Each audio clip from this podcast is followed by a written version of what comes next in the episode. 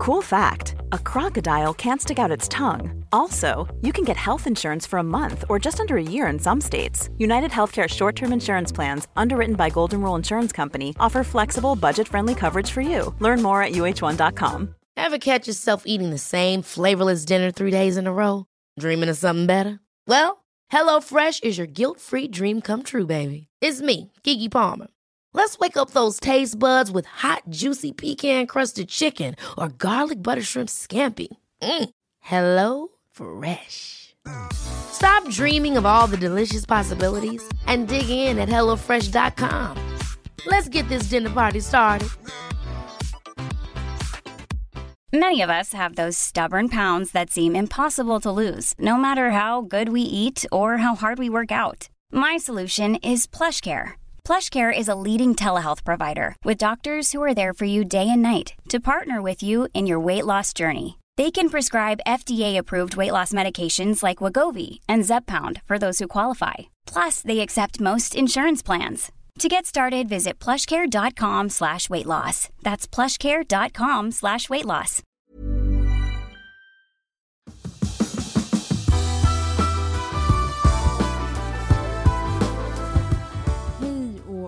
Välkommen till det 48 avsnittet av Klimakteriepodden med mig, Åsa Melin. Speciellt välkommen till dig som är ny lyssnare.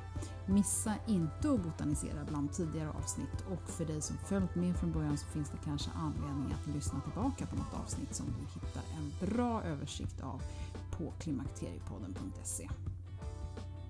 I det här avsnittet så ska vi tala om en av mina hjärtefrågor, nämligen om tiden innan menopaus. Det finns så många som vittnar om feldiagnoser och konstiga behandlingar just mellan 40 och 50. Och det är ju de år där många ännu inte förstått att det är klimakteriet som börjar, eller perimenopausen som dagens gäst tycker är ordet vi ska använda. Jag möts ofta av orden “jag är inte där än”, vilket kan vara en förklaring till att man inte är intresserad av eller man vill inte befatta sig med klimakteriet helt enkelt. För det är ett bevis på åldrande och det vill vi inte vara med om. Så jag hoppas att Katarina Wilk med sin bok Perimenopower och det här avsnittet kan hjälpa fler kvinnor till att slippa ångest, sömnstörningar, minskad sexlust och framförallt felmedicinering. Så välkommen att lyssna! Katarina Wilk, välkommen till Klimakteriepodden. Tack så jättemycket. Vad roligt att ha dig här. Det är väldigt roligt att vara här. Ja, det är spännande för att du håller på att ska släppa en bok som eh, kommer revolutionera hela marknaden hoppas jag. Ja, det hoppas jag också. Vad roligt att du säger så. Ja, men du är 50 år, ja. eh, väldigt passande ålder för ämnet. Eh, journalist och författare. Och du har skrivit mycket ungdomsböcker men även noveller och du har skrivit en annan bok, Walk with me, som, jag vet, som du kan få berätta om också. Och sen så är du då medicin och hälsojournalist. Berätta lite mer om dig själv bara. Ja. Eh, jag kan börja berätta att först och främst är jag mamma och inte bara journalist. Jag är en av de här mammorna som verkligen är mamma. Jag har två söner, som två tonårssöner som jag har eh, eh kanske faktiskt nästan eh, jag har varit med dem så att jag har inte jobbat jättemycket under åren. Jag har naturligtvis haft ett jobb men jag har haft förmånen att frilansa. Nu är mina barn på väg att bli stora och då kände jag så att nu är det dags att kanske förverkliga sina egna drömmar för nu har jag gett de här barnen de här åren. Eh, och när jag väl satte igång med det, att börja skriva igen och, och så, så, så släppte allting på ett och samma år. Så i år, det är, vilket egentligen är mitt debutår, så släpper jag två skönlitterära böcker, för, för, en för vuxna, en för ungdomar. Jag släpper en, en, den här hälsoboken och jag har också skrivit en novell. Så att det här är liksom mitt debutår. Men jag är ju också, precis som du säger, hälso och medicinjournalist. Jag har varit redaktör för Stadiums kundtidning i 13 år. Det har varit mitt stora uppdrag. Ehm, jag har också studerat vid sidan av. Jag har läst eh, medicinsk journalistik på Karolinska institutet en termin. Och jag har också läst på Hälsohögskolan i Kristianstad till hälsorådgivare. Om jag ska berätta lite grann om mig själv, hur jag är, så, så kan man säga så här att vissa kvinnor har en fetisch på skor eller på väskor. Ja. Min fetisch är medicinska studier. Jag kan alltså... Är jag på en middag så rabblar jag upp 20 medicinska studier. Mina söner brukar vara så arga på mig och säga Och nej mamma, nu kommer du med en studie igen. Jag är otroligt intresserad av medicin. Jag har alltid varit det. Jag kommer från en läkarfamilj. Både min farmor och farfar var läkare. Att jag inte blev läkare, det är ju den största gåtan i mitt liv. Men jag hade lite dåliga betyg och jag var, ja, jag var lite så skoltrött så jag kom helt enkelt inte in. Jag sökte väl kanske egentligen aldrig, jag kom aldrig så långt. En av mina andra styrkor är att jag är en väldigt, väldigt bra researcher, vilket jag har haft väldigt mycket nytta till när jag har skrivit den här boken. Så liksom mitt medicinska intresse och mitt researchintresse har gjort att jag liksom har, eh, ja, har skapat den här boken helt enkelt. Mm. och nu klämmer vi fram vad den heter. Den heter Perimenopower. Ja. Hitta din superkraft när hormonerna svänger. Och det är alltså en bok för alla kvinnor, vill jag då säga, mellan 35 och kanske 55, nästan lite uppåt, som mår dåligt för att deras hormoner svänger och där det här dåliga måendet har att göra med att de faktiskt ska nå menopaus. De flesta kvinnor vet ju inte om att det är därför. De Nej, för det är precis dit jag ville komma. För jag tycker, det, jag tycker personligen så brinner jag verkligen för det här den här åldern som eftersom jag själv var en av dem som gick runt och inte förstod att jag var i klimakteriet förrän den första vallningen kom, vilket, vilket var när jag var 50. Ja. Eh, kunde jag titta tillbaka och se på att, ja men jaha, nu förstod, förstod. jag vad, vad sömnbrist mm. eller sömnproblem, stress, mm. lite ångesttankar och mm. så vidare och så vidare. Massor med olika saker, mm. vad de hade att göra med och var de mm. kom ifrån. Mm. Men den gruppen kvinnor är ju oerhört svåra att nå för de, de är ju så här, de vill ju inte tänka på hormoner som svänger. Jag tror att alla kvinnor förstår att man tappar fertiliteten mm. i runt 40. Mm. Men de kopplar inte ihop det med att det är hormoner som svänger och att man är på väg in i ett förklimakterie. Det jag tycker är viktigt här det är ju inte bara det att inte kvinnorna fattar det utan det är ju faktiskt också så att vården inte fattar Nej. det. Och det är där jag tror problematiken ligger. Att hur mycket kunskap... Sen är det ju så att alla kvinnor kan ju inte börja gräva när de mår dåligt som jag gjorde. Du säger att du inte gjorde det förrän du fick första vallningen. Jag gjorde det ganska tidigt, så fort jag fick sömnproblem. Jag bara, det är något fel på mig. Mm. Det är någonting konstigt, det är något som inte stämmer. Jag hade lite ångest, tryck över bröstet, jag hade lite yrsel. Jag var kanske 42-43 när det började. Och redan då började jag researcha. Idag är jag 50 så det, den här researchen har hållit på i flera, flera år. Nu kan jag förstå att jag var i det som man kallar då förklimakteriet. Men jag är ju också emot den här begreppsförvirringen eh, som finns. För jag tror också att eh, inte nog med att man inte vet om att det har med hormoner att göra. Man vill inte att det ska ha med hormoner att göra men, att, men hur kan man tänka så när man vet att det har med hormoner att göra att man inte längre är fertil? Ja, men alltså Tänk dig själv, man är 42-43 och man går till vårdcentralen. Hej, jag har sömnproblem, jag mår lite dåligt psykiskt. Vad, vad säger vårdcentralen då? Det första de gör det är ju inte att remittera dig till din gynekolog. Och du kanske inte ens är så smart att du fattar att jag kanske borde gå till min gynekolog utan istället går du ut till vårdcentralen. Är du då 42-43 så finns det ingen allmänläkare i hela världen som skulle säga till dig ja men jag tror att du har hamnat i klimakteriet. Därför att dessutom är inte det en sjukdom, det är faktiskt bara ett tillstånd. Så jag tror att det är där problematiken ligger. Mm. Det är också en problematik att kvinnor idag som söker information de hittar inte bra information därför att det finns ett det finns i Sverige en förvirring kring begreppet. Och jag har ju valt att inte använda ordet klimakteriet i min bok. Och det vill jag ju såklart liksom försvara då naturligtvis. Speciellt som du nu är i klimakteriepodden. Speciellt som jag sitter här. eh, vad jag vill säga först är faktiskt så att det är inte bara jag som är förvirrad utan redan 1999 så var det här begreppet under lupp. Det finns en förening som heter International Menopause Society som har eh, medlemmar i 62 länder och de ville utesluta ordet climacteric ur definitionsmassan för de tyckte att det var förvirrande. Nu blev det inte så, därför att vissa länder ville ha kvar det här begreppet, så att begreppet är kvar. Men i de engelsktalande länderna så används ordet climacteric väldigt, väldigt sällan. En av anledningarna till att jag också då valde bort det var för att jag redan från början visste att boken skulle ges ut på engelska. Och då tänkte jag, nu underlättar jag för alla. Jag använder två begrepp.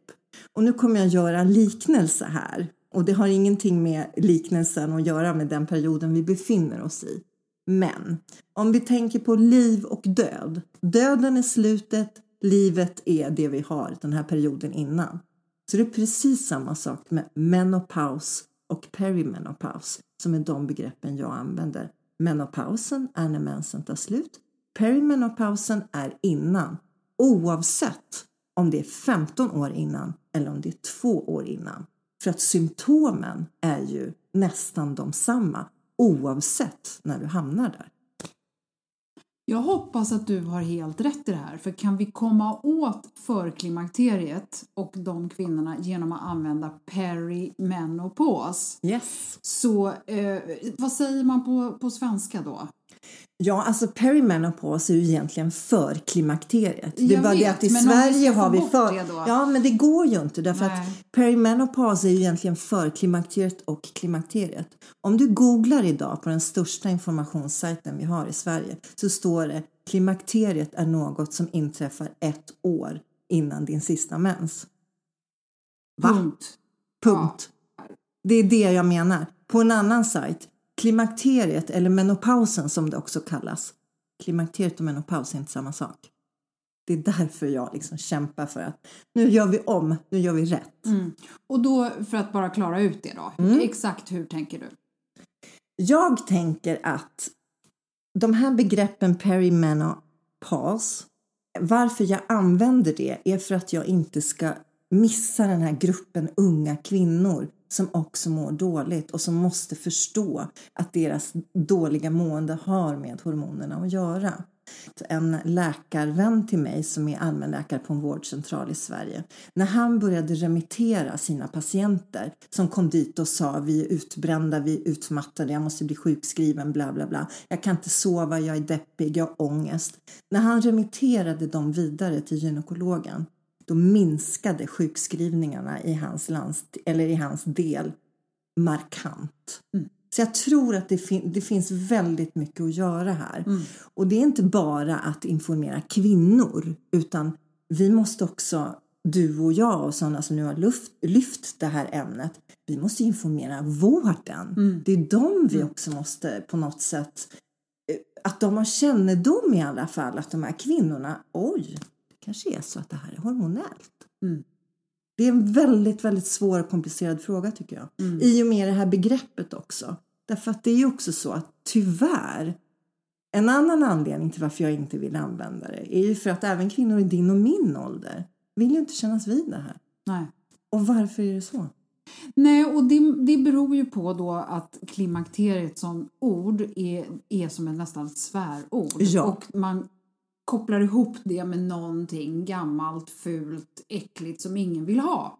Och det tycker ju jag personligen, det brinner ju jag för att vi ska liksom inte känna så. För är det någon generation kvinnor så är det ju de som lever idag och de som kommer och de som är 60 idag. Det är ju så här, alltså Dawn at 60, det är ju ett begrepp och det finns ju hur många fantastiska kvinnor som helst. Som, Absolut, men där tycker jag att vi kvinnor har skjutit oss själva lite i foten genom att vi har myntat själva begrepp som klimakteriekärringar, klimakteriehäxor, klimakteriekossor. Vem vill vara en klimakteriekossa? Ja, inte jag. Nej.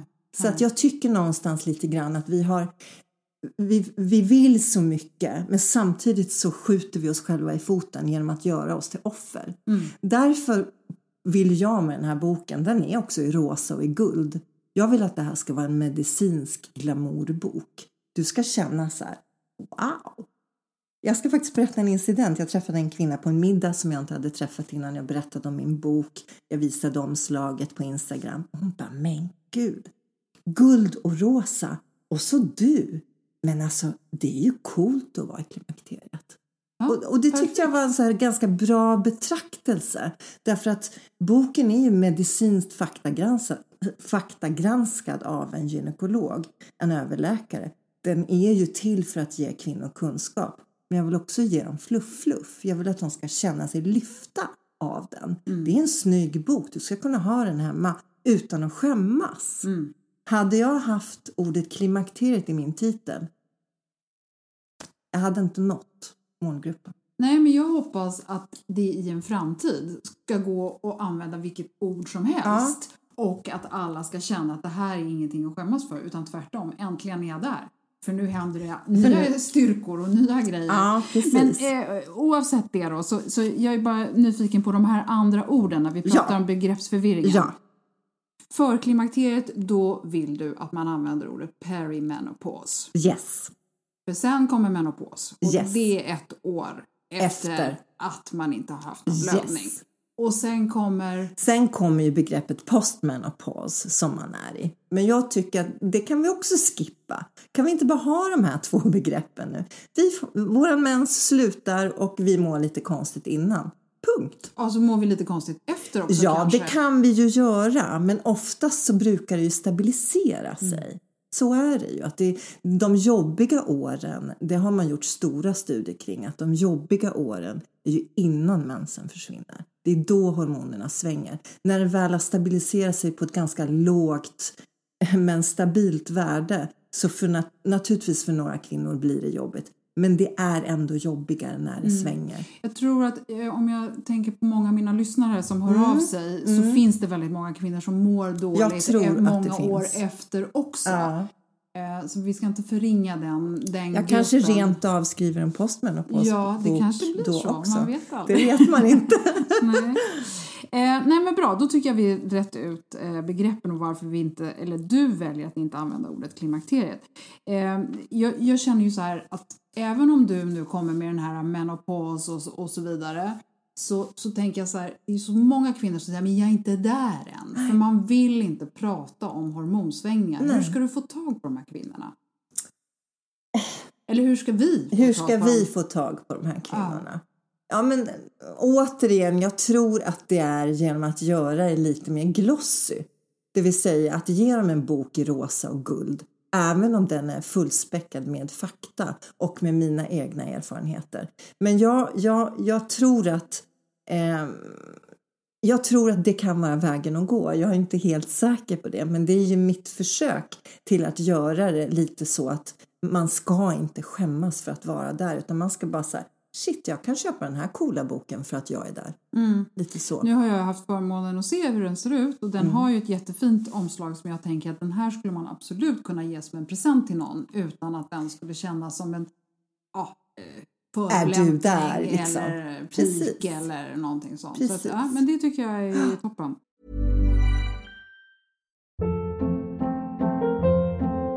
Hold up. What was that? Boring. No flavor. That was as bad as those leftovers you ate all week. Kiki Palmer here, and it's time to say hello to something fresh and guilt-free. Hello Fresh. Jazz up dinner with pecan-crusted chicken or garlic butter shrimp scampi. Now that's music to my mouth. Hello Fresh. Let's get this dinner party started. Discover all the delicious possibilities at HelloFresh.com. Many of us have those stubborn pounds that seem impossible to lose, no matter how good we eat or how hard we work out. My solution is PlushCare. PlushCare is a leading telehealth provider with doctors who are there for you day and night to partner with you in your weight loss journey. They can prescribe FDA-approved weight loss medications like Wagovi and Zepbound for those who qualify. Plus, they accept most insurance plans. To get started, visit plushcare.com slash weight loss. That's plushcare.com slash weight loss. Life is full of awesome what ifs, and some not so much, like unexpected medical costs. That's why United Healthcare provides Health Protector Guard fixed indemnity insurance plans to supplement your primary plan and help manage out of pocket costs. Learn more at uh1.com. Det är härligt att klimakteriets tabu äntligen är på väg bort. Vill man försöka klara sig utan hormonbehandling så finns nu många nya kosttillskott som lovar bland annat hormonell balans och som ska stötta brister. Jag vill lyfta min räddare i nöden, Femarell. Det har inte bara varit min utan många andra kvinnors räddning i över 20 år. Och med lång tid på marknaden, med nöjda användare, dessutom med 20 forskningsstudier så vågar jag säga att det kan vara en god idé att prova Femarell. Femarel finns på apoteken och i hälsokostbutiker. Tack Femarel som varit min samarbetspartner i många år.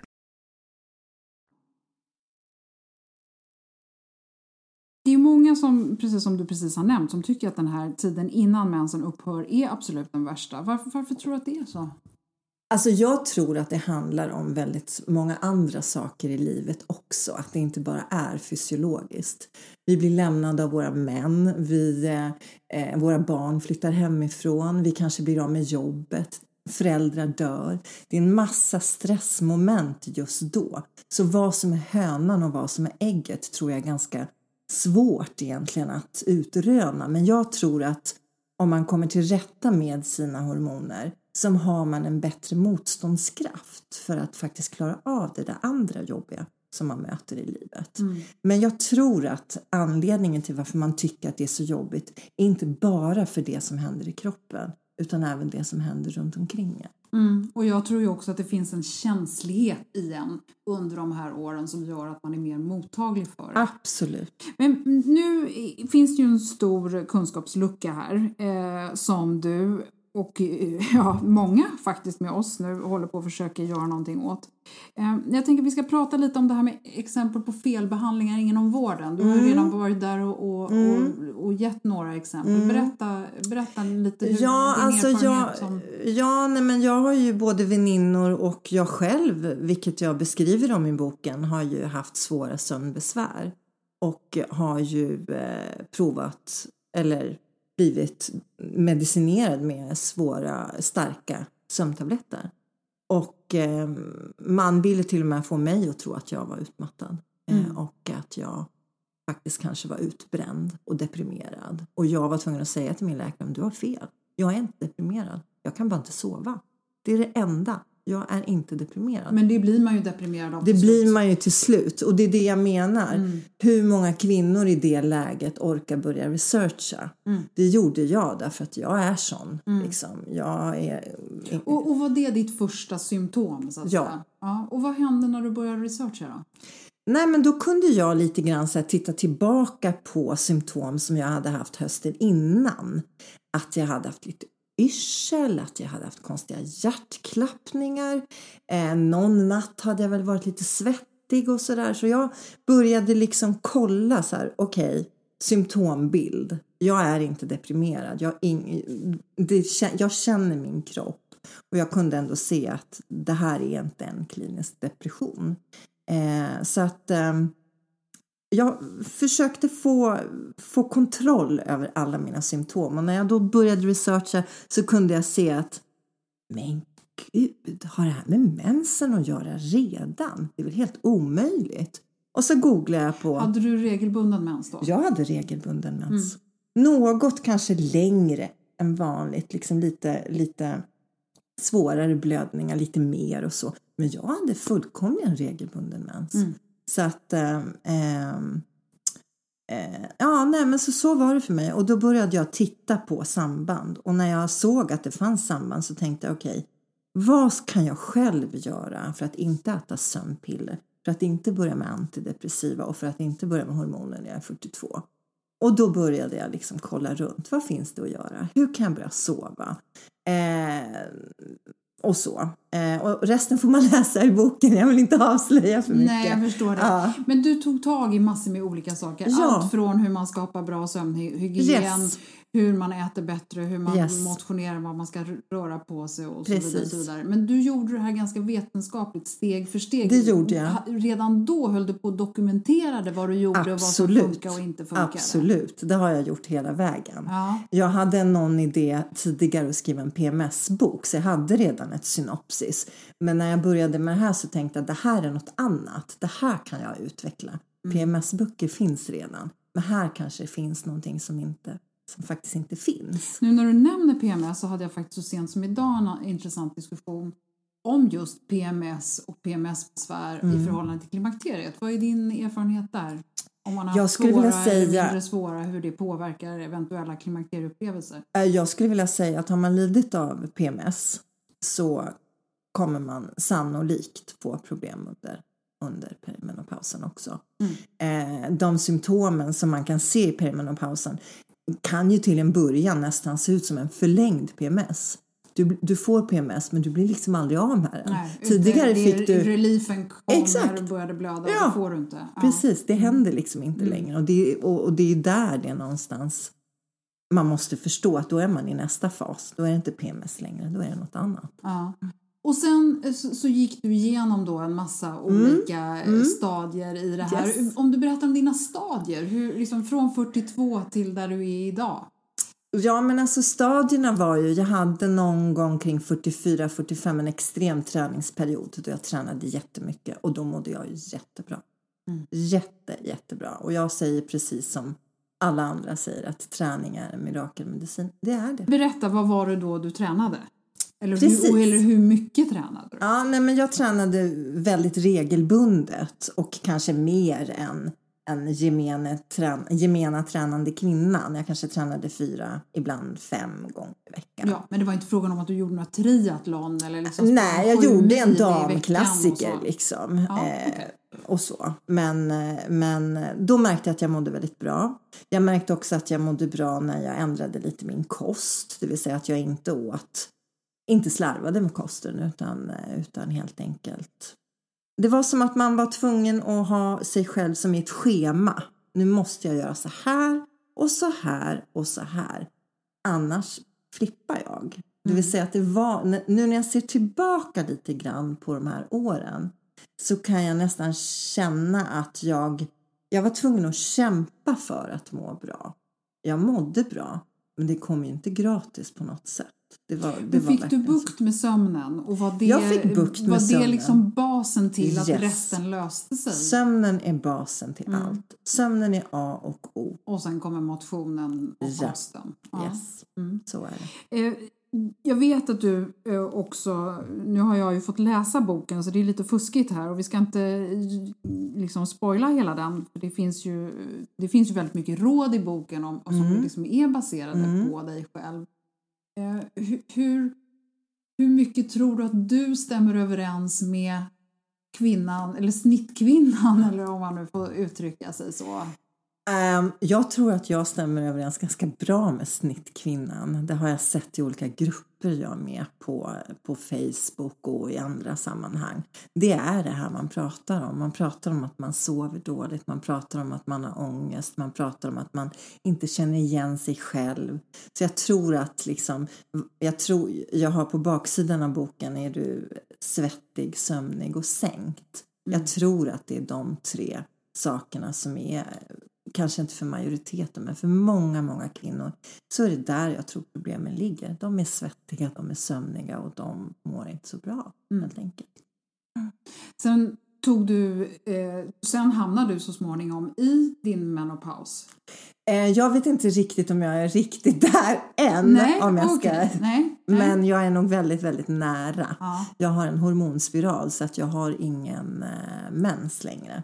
Så därför har jag inte riktigt koll på mina, på mina svängningar Så, enkelt. så det blev din, din slutliga, nu tar jag till hormonerna, nu har jag gjort allt annat. Ja, det gjorde jag för eh, två år sedan. Gjorde jag det. Då bestämde jag mig. Plåster kombinerat med hormonspiral. Ja, jag har gelé faktiskt. Gelé. Ja. Och, och, och berätta då, när du hade gjort alla de här andra grejerna, hur, alltså, jag, är, jag är ute efter ditt psyke. Liksom. Ja, hur, vad ja. var det som då gav det där sista? Som, eller liksom, Som gjorde att jag hoppade på Ja, hormontåget. precis. Ehm, ja, men det var nog ändå att jag kände att mot slutet var det liksom en kamp ändå. Att även om jag tränade och åt bra och så hände det saker i mitt liv. Jag skilde mig och jag kunde liksom inte riktigt bara hålla mig uppe själv längre genom att bara vara jag. Så kände jag lite grann. Och då eh, började sömnen kanske lite mer också sådär svaja.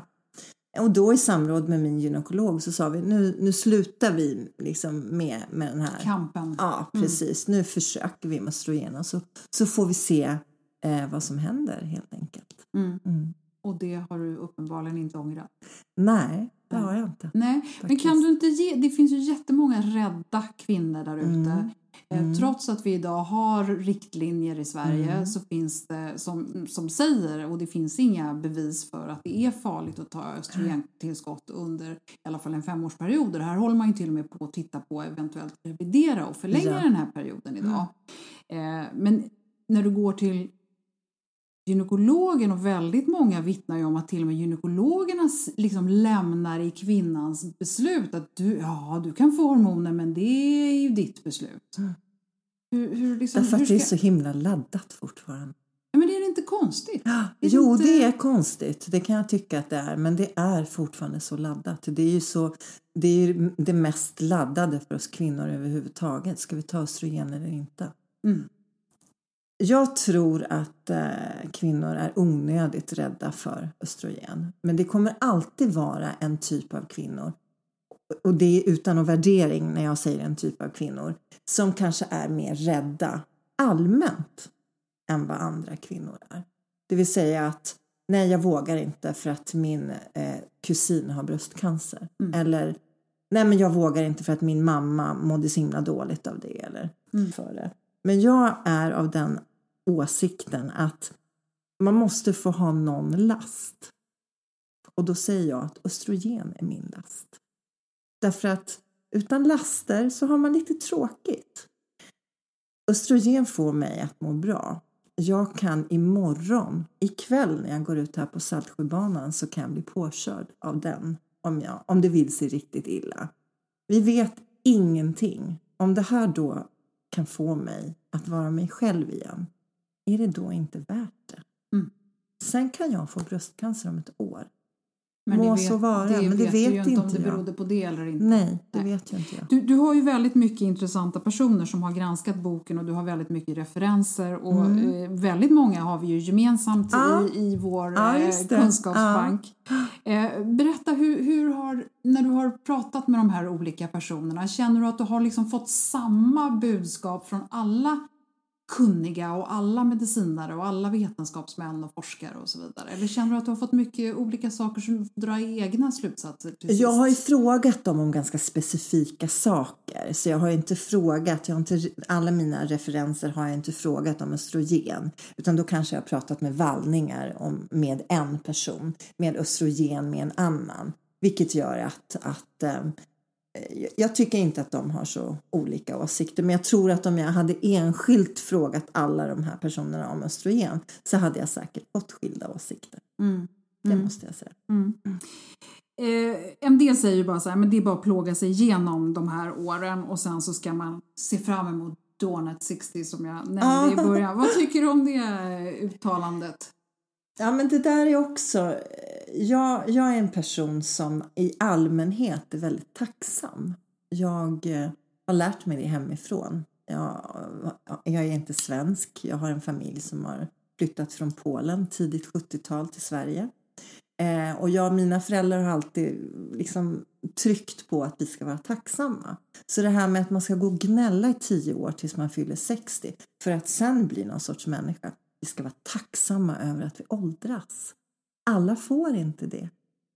Mm. Det är det jag känner. Man måste vara lite mer tacksam. Det är det, och det kämpar jag för att mina barn också ska lära sig. Att det ska inte vara något, inget gnäll. Vi ska vara tacksamma som får vara här en stund på jorden, faktiskt. Ja, det tycker jag är, är jättebra. Eh, Jag har bara en fråga kvar för det där var annars ett väldigt bra slut. Men jag är lite nyfiken på det här privata alternativen som börjar poppa upp nu. Eh, där kvinnor är tvungna att betala sig till eh, vård som, eh, ja, som utger sig för att vara specialistvård för oss kvinnor. Vart tror du att vi är på väg när det gäller liksom vårdbiten? Är, det, är det dit vi ska behöva Ska man behöva vara rik för att ha råd att få bra Det hoppas jag verkligen inte att man ska behöva. Att vi ska få hjälp för våra hormoner ska väl ändå inte vara en klassfråga. Det är ju jätte, jättetråkigt om det är dit vi går tycker jag. Utan jag, jag känner att vi, du och jag som, som håller på med det här, vi har ju makten i våra händer nu att faktiskt bilda inte bara kvinnor utan även vård. Vi ska föreläsa om det här. Vi ska se till så att allmänläkare blir intresserade av det vi pratar om. Eh, men att vi ska behöva betala 2 5 för ett besök hos en alternativ vårdgivare, det, det, det ger jag inte mycket för. Nej, men jag, jag är rädd att det är dit vi är på väg. Eh, om vi inte lyckas få ett större intresse för våra frågor. Mm. Eh, det är precis sådana som du och jag som ska se till att vi inte kommer mm. dit då. Mm. Nej men det var skönt, då har vi ett jobb i alla fall. Ja det har vi! du, eh, tusen tack eh, Katarina. Har du liksom något sånt där som vi har missat som du bara vill skicka med ut här? Sista... Eh... Ja, jag vill bara säga att det här är en period som kommer passera. Precis mm. som allt annat i livet. Det passerar. Ta det inte så allvarligt. Det kommer att bli bra. Mm. Tusen tack för att du kom till Tack för att jag fick komma. Och så ska vi göra så att vi eh, lägger upp en liten länk. Du har eh, skrivit en, en artikel. Ja, jag har blivit intervjuad i en artikel. Du har ja. blivit intervjuad eh, och det finns en artikel som vi länkar till från Klimakteriepoddens Facebook-sida och hemsida. Så mm. kan man läsa lite mer. Och där finns det naturligtvis en bild på dig. Så. Tusen tack! Tack Åsa! Vad tyckte du om det? Intressant va? Ja, gör nu en 40-årig medsyster en tjänst och rekommendera henne att lyssna på det här avsnittet helt i förebyggande syfte så att hon förstår vad som är på gång och hur hon på rätt sätt kan lindra eventuella symptom de här åren så hon slipper en massa onödigt lidande eller felmedicinering. Kanske så är det här en sån där bok som alla borde få med posten den dagen man fyller 40. Typ eh, den där typen av information som man fick i 12-årsåldern som förklarade vad mens är och varför man får det. I kommande avsnitt så blir det spännande ämnen som ska tas upp. Vi ska tala mer om kost, vi ska tala om arbetslivet, artros, hur kvinnor med allvarligare underlivssjukdomar kan få hjälp genom klimakteriet, livsenergi och mycket mer. Så missa inte att hänga med. Följ gärna Klimakteriepodden på Instagram och Facebook där det alltid händer någonting mellan avsnitten. Prenumerera gärna på podden och så blir jag ju väldigt glad om du rekommenderar den för en vän eller kollega som skulle kunna vara intresserad. Och vill du komma i kontakt med mig, Åsa Melin, så mejla på info.klimakteriepodden.se. Tack för att du har lyssnat och välkommen snart igen. Hejdå!